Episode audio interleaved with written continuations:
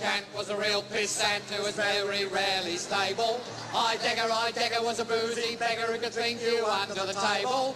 David Hume could outconsume Schopenhauer and Hegel. And Wittgenstein was a beery swine who was just as sloshed as Schlegel.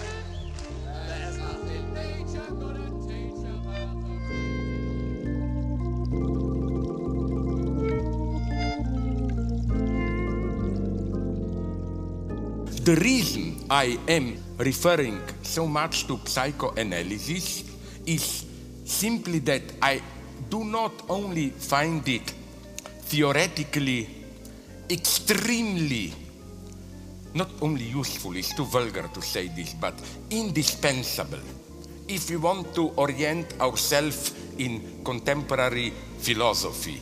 We need the legacy of psychoanalysis. Volgens Slavoj Žižek is de psychoanalyse nog altijd van groot belang. Hij signaleert een tal van paradoxen in de wereld waarin wij leven. In het zogenaamde Vrije Westen leidt een onderdrukte opvoeding gericht op discipline tot rebellie en tot een relatief vrij bestaan, waar een vrije opvoeding juist leidt tot seksuele frigiditeit en impotentie. En als je als terrorist handelt uit naam van God om de wereld te zuiveren en te kuisigen, kun je alles doen waar je zin in hebt en wachten 72 maagden op je in de hemel. Hetgeen waarnaar de mens streeft, wordt dus door vrijwel niemand bereikt. Volgens Zizek biedt nou juist de psychoanalyse een verklaring voor deze paradoxen. Als ik dit hoor, krap ik even op mijn hoofd. Was psychoanalyse niet die eens zo populaire psychologische theorie die nu in geen enkele universitaire discipline meer serieus wordt genomen?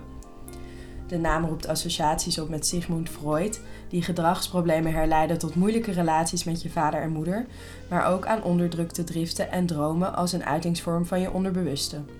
Interessant en leuk als je zin hebt om even lekker te navelstaren, maar misschien ook wel wat achterhaald, toch?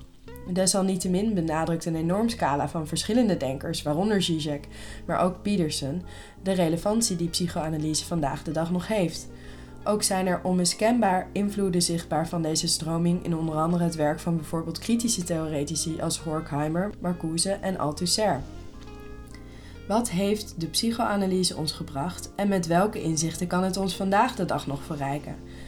Welke elementen van deze stroming moeten we overboord gooien en welke moeten we behouden en misschien wel koesteren? In deze aflevering van de Felix en Sophie podcast ga ik antwoorden zoeken op deze vragen met redactieleden en moderatoren van de komende editie Floris van der Burg en Camille Feiertag. Misschien moeten we eerst eens gaan kijken wat psychoanalyse zelf inhoudt. Het is heel aardig om eigenlijk die vraag te beantwoorden door te kijken, eigenlijk door meteen psychoanalyse filosofisch te denken. We hebben natuurlijk de hele therapeutische kant, et cetera, et cetera. Maar ook op de avond zelf willen we natuurlijk iets meer van een, uit een filosofisch perspectief naar psychoanalyse kijken. En daar heeft Ricoeur destijds, die heeft Freud, Marx en Nietzsche eigenlijk in één adem genoemd als drie grote meesters van het wantrouwen, of Masters of Suspicion. Ehm, en het aardige daarin eigenlijk is, is dat die drie denkers centraal staat, die eigenlijk allemaal een soort van dominantie van centraal kennend subject, afstammend uit de verlichtingstijd, uh, betwisten. Marx door middel van natuurlijk de benadrukking van ideologie en, uh, en uh, economische structuren. Um, Nietzsche bijvoorbeeld in de geschiedenis van, van ethiek en dergelijke, en totstandkoming van ethische normen. Um, en Freud door heel diep uh, de psyche van de mens in te duiken. En ook te laten zien hoe de mens daarin eigenlijk onderhevig is aan allerlei psychische onderstromen. die extreem bepalend zijn voor elk denken, handelen, doen, et cetera, et cetera.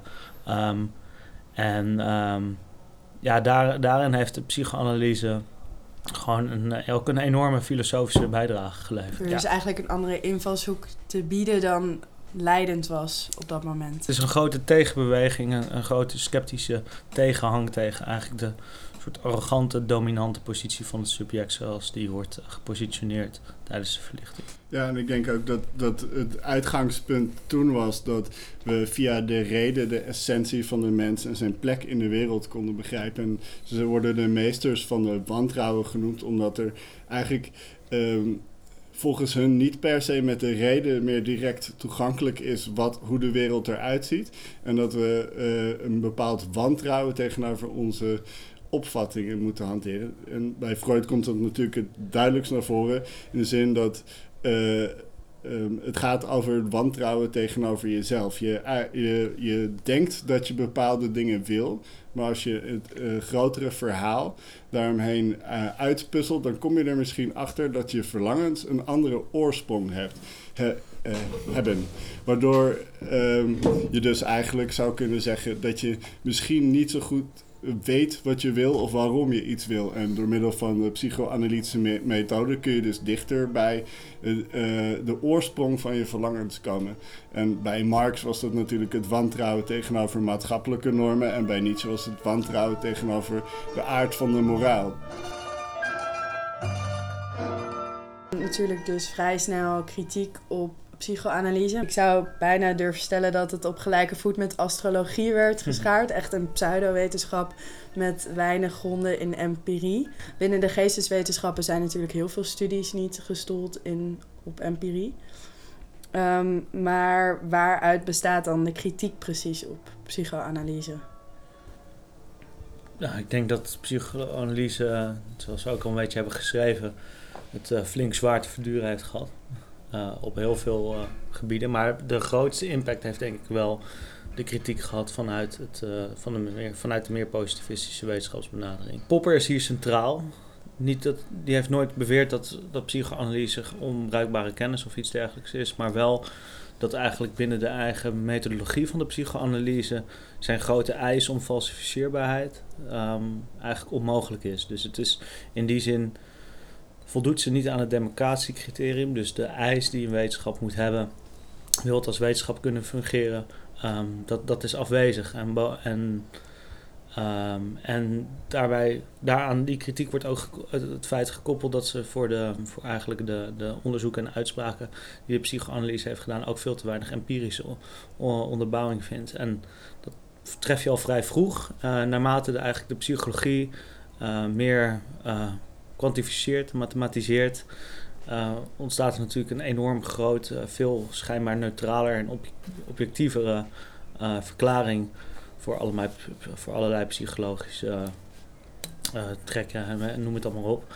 Uh, en daar, ja, dat is in zekere zin wel een beetje een, een steek in het hart van de psychoanalyse, om het zo maar te zeggen. Ja, daar, daar wil ik wel op inhaken. Daar is wel een heel mooi tekenend voorbeeld voor, uh, denk ik, die heel goed de kritiek vanuit de empirische wetenschappen op de psychoanalyse weergeeft. Dat is de diagnose van de ontkenningsfase. Dat herkent iedereen wel. Als je dan zegt van ja, ik zit in de ontkenningsfase, dan bevestig je het. En als je ontkent dat je in de ontkenningsfase zit, dan heeft de psycholoog ook gelijk. Dus in ja. die zin uh, is er binnen de psychoanalyse... Kijk, het is een naïeve interpretatie van wat psychoanalyse doet... want je probeert een langer verhaal over iemands persoonlijkheid... en de structuur daarin te duiden. Dus dat, dat is wat abstracter, maar dat is in essentie... de, de kritiek die de empirische wetenschap op psychoanalyse heeft gehad.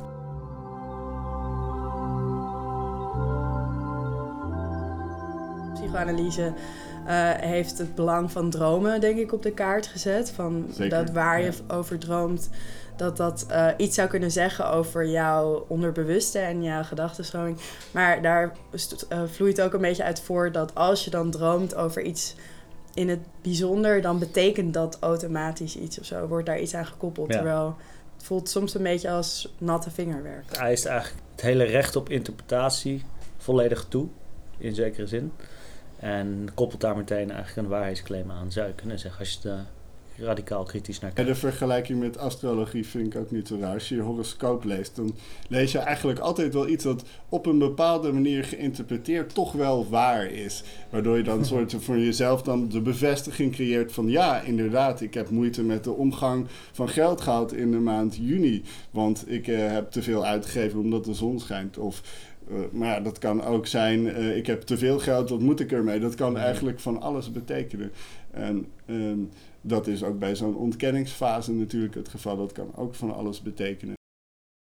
Ja, we moeten daarbij niet het belang onderschatten dat zo'n grondige analyse van de oorsprong van je verlangens. Waarom, ik bedoel, die ontkenningsfase is een begrip dat iedereen kent. En toch ook kan gebruiken in de taal om, en kan gebruiken om dingen te duiden. Dus het resoneert ergens wel iets. Um, eh, met iets in ons dat um, om een bepaald soort uitleg vraagt die misschien niet ehm, eh, kwantificeerbaar is, maar wel een extra vorm van begrip. Uh, überhaupt niet eens aan de eisen van positivistische wetenschap kan voldoen. Of, ja. Dus ik bedoel, maar filosofie als discipline kan daar toch eigenlijk ook niet aan voldoen? Takken van filosofie wel, maar andere takken ook weer niet. Nee, het is... Kijk, kwantificeerbaarheid. Nou, we hebben natuurlijk wel iets, een huidige vorm wat binnen geesteswetenschappen gegooid wordt. De hele beweging van digital humanities, waar eigenlijk ook uh, wordt gestreefd om uh, iets meer binnen die benadering geesteswetenschappen te kunnen doen. Maar god, ja, noem alle filosofen maar op. Er zijn een getal van figuren waar je helemaal niet van kan eisen dat ze ook op enige wijze ook maar op die manier te werk zouden gaan. Neem eens iemand als Heidegger of zo. Dat is natuurlijk een volledige uh, bizarre gedachte dat, dat hij zijn werk en zijn gedachten op zo'n manier zou kunnen uitwerken. En um, dus ja, in die context ook denk ik dat de kern eigenlijk is, als je naar psychoanalyse wil kijken, is eigenlijk um, in plaats van simpelweg te zeggen, jullie voldoen niet aan de eisen die vanuit de positivistische wetenschappen voorkomen, eigenlijk kijken hoe, hoe het haar eigen methodiek en methodologie en hele kennisstructuur in die zin als het ware weet te creëren. Wat de onderbouwingen zijn van bepaalde type analyses. En dan kom je in een veel meer internalistisch uh, gesprek en discussie terecht. En dat, ik denk dat dat, dat, dat wel heel relevant is.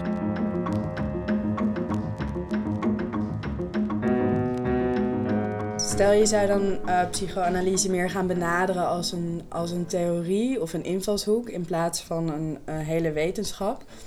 Wat voor methode zou daar dan bij passen? Past het dan meer misschien in de kritische studies? Of? Oh, hmm. Een psychoanalyse, voor mij in, in, een, een vrije vorm, is niet zozeer bezig met te zeggen van nou ja, eh, dingen horen zo en zo en zo. Maar het is, het is een, een methode uh, om eigenlijk in complexiteit te graven. Allerlei vormen van complexiteit. En daar in termen van maatschappelijke complexiteit daar, uh, ja, daar, daar denk ik dat de psychoanalyse ontzettend veel te bieden heeft. Het is, Freud heeft al heel vroeg zijn boek uh, Civilization and its Discontents geschreven. En daar zie je eigenlijk al dat de psychoanalytische methode heel erg ingezet wordt om over maatschappelijke structuren en problemen na te denken. In een tijd waarin steeds meer dingen mogelijk zijn en we tot, tot, tot, tot zoveel in staat zijn, en noem het allemaal maar op. Um, ja, stelt Freud eigenlijk, maar het lijkt wel alsof de mens eigenlijk wel ongelukkiger wordt. Hoe zit dat in elkaar? Dus daar. Weet je, die, die... vind ik ook echt. Het is echt een heel, heel tof boek. Echt, ook heel dun, dus als je dat wil lezen, doe het. Maar uh, ja, zijn, zijn het idee wat hij daarin probeert uiteen te zetten is... Ja, de mens heeft allerlei driften en verlangens die met elkaar in conflict zijn. Mensen is, zijn gewelddadig of uh, ze zijn overspelig. En we vinden daar met z'n allen een bepaalde modus operandi in... waardoor we met elkaar leren om te gaan... en dat het, eh, de maatschappij op zichzelf wel werkt... waarbij we die pure verlangens die dan in de mens zitten... volgens hem moeten onderdrukken. Dus daarin zie je ook weer dat de, dat verdachte uh, tegenover jezelf, maar dan op een maatschappelijk vlak is een werk terug.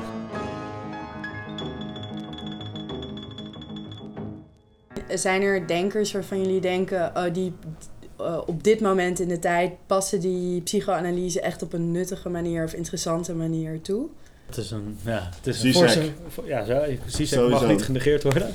Zizek? Maar uh, ja, god, die vraag speelt zich ook alweer af in een hele wereld van tegenstellingen en omvorming van psychoanalyse. Het belangrijkste daarin is van de psychoanalyse en van Freud en consorten is dat ze echt het onbewuste op de kaart zetten. En daar stoei je vervolgens een hele hoop filosofen op allerlei verschillende manieren mee. Um, maar um, het belang van die, van, uh, van die beweging is gewoon centraal. En vervolgens kan die doorontwikkeld worden in een vorm die wellicht wat minder psychoanalytisch is of een, daar een draai aan geeft en het anders vervormt. Dus als we aan iemand als, als figuur als Deleuze en Guattari denken, die nog een enorme kritiek op de psychoanalyse. Die bekritiseren de dominantie van het Oedipuscomplex binnen de psychoanalyse, maar die behouden wel centrale elementen van, van Freud blijven heel, uh, blijven heel erg aanwezig. En het onbewuste kan daardoor niet afwezig. Uh, of kan niet van de kaart verdwijnen of zo. Hetzelfde uh, geldt voor een hele hoop andere denkers rond die, rond, uh, rond die periode. En ja, heden ten dagen hebben we natuurlijk inderdaad, uh, inderdaad Zizek. Wat is zijn relatie met de psychoanalyse? Um, ja, Zizek die gebruikt Lacan, dat dan weer een interpretator is van uh, Freudiaanse... Um, hij is een Freudiaanse psychoanalyticus, maar hij heeft er zijn eigen draai aan gegeven. Maar uh, hij, Zizek kun je zo goed quoten. Er zijn zoveel anekdotes. Ik kan me een uh, YouTube-filmpje herinneren dat dan ging over Starbucks koffie. En dan Fairtrade koffie die je dan bij Starbucks kan kopen. En uh, ja, Zizek's analyse vind ik dan wel weer heel erg tof. Omdat hij daar dan bij zegt van ja, je denkt dat je Fairtrade koffie koopt... omdat je dan iets goeds voor de wereld wil doen. Dat is je verlangen. Maar eigenlijk wat je doet door die Fairtrade koffie te kopen, is dat je het instituut, het kapitalistische instituut wat er helemaal omheen zit, dat, daar zit je nog steeds in. Je hebt niks uh, beters gedaan, want dit is gewoon een niche market waar jij je dan in begeeft. Uh, die inspeelt op jouw verlangens. Dus dan door die analyse van het verlangen dat je hebt, wat je wil bevredigen, kom je eigenlijk op uh, uh, een hele uh, tegendraadse conclusie. Namelijk dat wat je doet, je verlangen bevredigt, helemaal niet is wat je eigenlijk zou willen. Hm. En daar, daarmee verwijst hij wel naar een maatschappelijke dimensie. En dat komt ook, zoals Floris al zei, er is superveel met psychoanalyse gebeurd sinds het, zijn ontstaan. Maar ik vind dat toch een mooie anekdote. Ja, en ook het element van uh, jouissance wat daarin centraal komt te staan. Onder andere bij Zizek natuurlijk ook, maar ook al breder in de, in de hele psychoanalytische... Hoe noem je dat? Jouissance, dus uh, ja, hoe zeg je dat? Kan je nou best... Ja, gewoon... Vreugdevol leven of zo? Ja, of plezier, of zo. Dat je dus in een bepaalde handeling um, iets doet, zoals een bepaalde bak koffie kopen of zo. Um, en daar een soort tevredenheid en plezier uit haalt, of een soort bevestiging... Um, uh, het, mooie van Zizek is, ik vind dat altijd nog een van zijn prachtigste quotes wat dat betreft, is dat hij uh, reageert op Marx als hij over ideologie spreekt en, en vals bewustzijn. En Marx in die context altijd zegt van ja, um, uh, het vals bewustzijn, het is, we, weten het al, we weten het allemaal niet, of is allemaal niet we zijn ons er niet van bewust, maar het structureert ons in, al, in, in alles. Terwijl Zizek dat zo mooi omvormt, dus ook in combinatie, een soort tandem met psychoanalyse, van we weten donders goed waar we allemaal mee bezig zijn. Met het, al het plezier en al het genot wat we eruit voor, voorhalen. Maar we delen ook al misschien wel bewust van de, van de wat kwadere zijde. Maar toch doen we het of zo. En, juist in dat soort tendensen, maatschappelijke kwesties of zo, vind ik denk ik dat psychoanalyse heel veel te bieden heeft. Ja. Ja, als ik zo naar jullie luister, dan, dan zou je misschien kunnen zeggen dat uh, de positivistische, positivistische wetenschappen kijken naar de daadwerkelijke handelingen.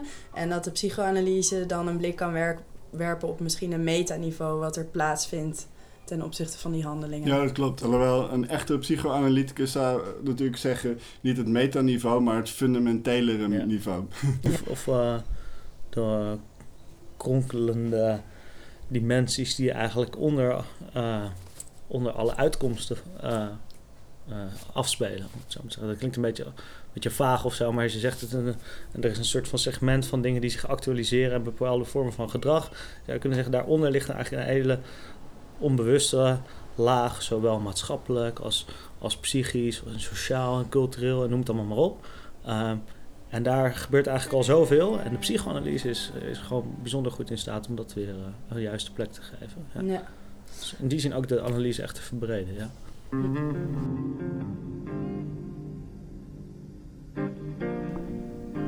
We kunnen concluderen dat de psychoanalyse ook vandaag de dag nog zeker kan bijdragen aan het achterhalen van verbanden en betekenissen op verschillende gebieden. Komende dinsdag gaan Floris en Camille verder in op de hedendaagse relevantie van psychoanalyse als moderatoren van de avond Psychoanalyse op Drift in Perdu. Ze hebben hiervoor enkele sprekers uitgenodigd.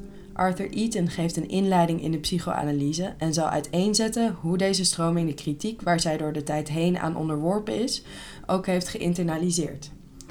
Wouter Gompert zal de psychoanalyse in werking zetten om de hedendaagse Amerikaanse cultuur van het Trumpisme uit te diepen. Tot slot bespreekt Ruud Welte via het werk van Freud, Lacan en Zizek hoe de zelfverklaring van de moderne mens als verlicht, geseculariseerd en autonoom subject slechts berust op een culturele verdringing van het religieuze, waarmee dit zelfvermeende verlichtingssubject uitgedaagd wordt. Genoeg redenen dus om komende dinsdag 15 mei naar Perdu te komen. Hopelijk tot dan!